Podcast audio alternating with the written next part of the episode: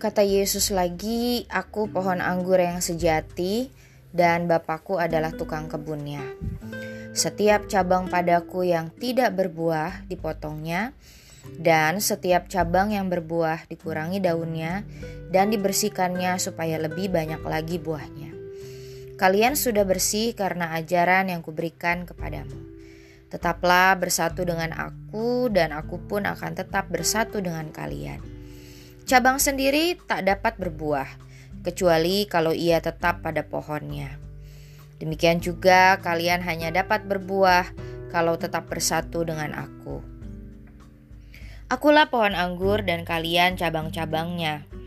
Orang yang tetap bersatu dengan aku dan aku dengan dia akan berbuah banyak. Sebab tanpa aku kalian tak dapat berbuat apa-apa. Orang yang tidak tetap bersatu dengan aku akan dibuang seperti cabang, lalu menjadi kering. Cabang-cabang yang seperti itu akan dikumpulkan dan dibuang ke dalam api, lalu dibakar. Apabila kalian tetap bersatu dengan aku dan ajaranku tinggal dalam hatimu, mintalah kepada Bapa apa saja yang kalian mau. Permintaanmu itu akan dipenuhi. Kalau kalian berbuah banyak, Bapakku diagungkan, dan dengan demikian kalian betul-betul menjadi pengikutku. Seperti Bapa mengasihi aku, demikianlah aku mengasihi kalian. Hendaklah kalian tetap hidup sebagai orang yang kukasihi. Kalau kalian menjalankan perintah-perintahku, kalian tetap setia kepada kasihku. Sama seperti aku tetap setia kepada kasih Bapa karena menjalankan perintah-perintahnya. Semuanya ini kuberitahukan kepadamu supaya kegembiraanku ada dalam hatimu dan kegembiraanmu menjadi sempurna. Inilah perintahku. Kasihilah satu sama lain, sama seperti aku mengasihi kalian. Orang yang paling mengasihi sahabat-sahabatnya adalah orang yang memberi hidupnya untuk mereka. Kalian adalah sahabat-sahabatku kalau kalian melakukan apa yang kuperintahkan kepadamu. Kalian tidak lagi kupanggil hamba, sebab hamba tidak tahu apa yang sedang dikerjakan tuannya. Kalian kupanggil sahabat, sebab semua yang kudengar dari Bapa sudah kuberitahukan kepadamu. Bukan kalian yang memilih aku, akulah yang memilih kalian, dan menyuruh kalian pergi untuk berbuah banyak. Buah-buah yang tak dapat binasa maka Bapa akan memberikan kepadamu apa saja yang kalian minta kepadanya atas namaku. Inilah perintahku kepadamu, kasihilah satu sama lain. Lansia yang saya hormati dan juga saya kasihi, ada pengalaman beberapa tahun lalu ketika saya melihat ada seorang batita yang tangannya terjepit eskalator di pusat perbelanjaan di daerah Serpong. Dan pengalaman melihat kejadian itu sangat membekas dalam ingatan saya. Sampai sekarang saya tidak pernah habis pikir ke mana orang tuanya sehingga hal itu bisa terjadi. Dan kenapa anak itu begitu mudah lepas dari genggaman orang tuanya. Saya kemudian menyadari bahwa melekat adalah hakikat kita hidup bersama dengan orang lain. Ada saatnya kita harus belajar melekat, terutama dalam keadaan kita tidak bisa sendirian. Saya pikir hubungan kita dengan Yesus juga tidak bisa lepas dari keterlekatan. Seperti Facebook dan ajang mudik yang melekatkan kita satu sama lain, hubungan kita dengan Yesus juga harus dipelihara. Ya, jika saya bicara soal baca Alkitab, kebaktian, dan doa, pasti Bapak Ibu Aki Enin akan mengeluh dan mengeluh. Kita sering mengenyampingkan spending quality time kita bersama Allah dibandingkan bersama manusia.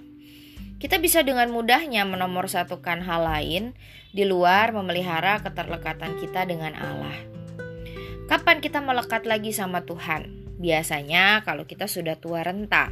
Maaf ya Oma Upa, saya tahu Anda semua nggak gitu kok. Hehehehe.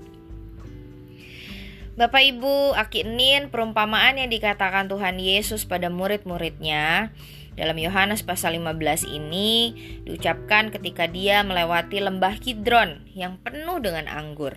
Dikatakan oleh Yesus ketika dia ingin mempersiapkan penerus pelayanannya menjelang kematiannya. Tuhan Yesus bersiap dan dia mempersiapkan segala sesuatunya.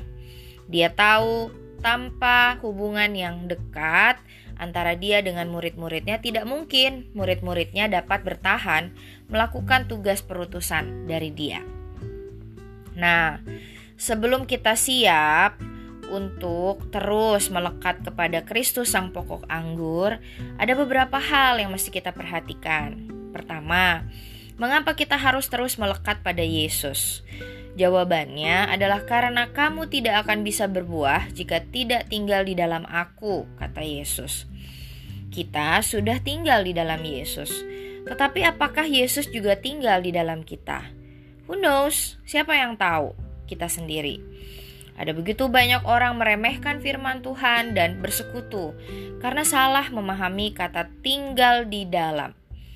Kita bisa bertemu banyak pencobaan ketika kita melekat pada Kristus, apalagi kalau kita tidak punya hubungan yang baik dengan Tuhan. Ibarat lampu yang kehilangan sumber dayanya ketika setrumnya dicopot. Ibarat turbin PLTN yang berhenti berputar ketika tidak ada air Ibarat kita kita puasa dan kita nggak buka-buka. Yesus adalah energi yang membuat kita bertahan di tengah dunia. Lepas dari Yesus akan membuat kita mati perlahan-lahan.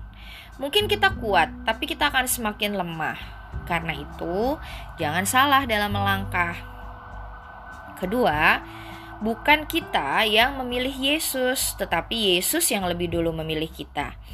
Jadi kita jangan pede, kita berpikir bahwa kita bisa kuat tanpa Yesus. Justru kita bisa kuat di dalam dunia ini karena kasih Yesus dan karena Yesus memilih kita sebagai sahabat-sahabatnya. Masalahnya, respon setiap kita dalam hal ini beragam. Ada yang ngeh, ada juga yang emoh. Ada yang tulus mau menjadi sahabat Tuhan Yesus, ada juga yang mau-mau enggak-enggak. Bisa jadi juga kita bukan sahabat yang baik bagi Yesus. Kita mau enaknya sendiri. Karena itu, saudara-saudaraku, Bapak Ibu, Oma Opa, Aki Nin, kehidupan yang melekat pada Tuhan Yesus pasti akan berbuah. Pasti itu. Tidak ada sumber yang buruk yang akan menghasilkan yang baik. Pasti hasil yang baik akan didapat dari sumber yang baik. Pokok dan batang anggur yang baik akan berbuah. Yang tidak berbuah pasti dipotong karena memang akan merembet pada yang sehat. Apa buahnya? Kasih. Kasih adalah buah dari kesetiaan dan hubungan yang benar dengan Tuhan. Kasih yang konsisten ya, tidak besok mengasihi lalu besoknya lagi benci. Hidup yang berbuahnya Senin Kemis itu menandakan Yesus tidak tinggal dalam kita. Karena kata Tuhan Yesus, kamu akan menghasilkan buah kalau kamu tinggal di dalamku dan buahmu itu tetap. Jadi mari kita periksa diri kita sendiri. Apakah hidup Kristen kita sudah berbuah? Kalau sudah berbuah, pasti orang akan mengasihi kita. Kita juga akan selalu mengasihi orang lain. Demikianlah gereja berbuah. Demikianlah gereja melekat pada sang pokok anggur, yaitu Tuhan Yesus. Demikianlah gereja menjadi sahabat-sahabat Yesus. Demikianlah Bapa dimuliakan di dalam kita sehingga nama Tuhan berkuasa di dalam kehidupan kita. Selamat melekat kepada sang pokok anggur ya Bapak Ibu. Selamat berbuah. Mari kita berdoa. Kristus air hidup, Kristus terang di dalam hidup kami Kristus yang menjadi pokok anggur di dalam kehidupan kami. Kami mengakui bahwa di dalam hidup kami sering kali kami tidak melekat kepadamu. Kami berupaya untuk melepaskan genggaman kami dari Tuhan, karena ketika kami melekat pada Tuhan, Engkau mengintervensi, Engkau masuk, merasuk di dalam hidup kami, dan menantang kami untuk kami melepaskan diri kami dari dosa-dosa dan nafsu keinginan daging kami Tuhan. Karena itu kami ingin menyerahkan pada saat ini hidup kami. Kami ingin membuka tangan hati dan hidup kami untuk kehadiran Kristus dalam hidup kami yang akan mengubahkan kami untuk menjadi anggur yang terus melekat kepadamu. Dan kiranya ketika kami terus tinggal di dalammu, kami dapat menghasilkan buah dan buah yang kami hasilkan itu tetap. Bahkan kami juga dapat berbuah banyak. Tuhan, berkati kami khususnya pada saat ini agar di dalam ketekunan iman kami dalam menghadapi uh, tantangan, godaan, ujian pada masa-masa kini kami tetap setia kepadamu. Kami juga tetap setia kepada sabdamu. Kami tetap setia pada persekutuan kami bersamamu dan juga bersama dengan gereja ibu rohani kami.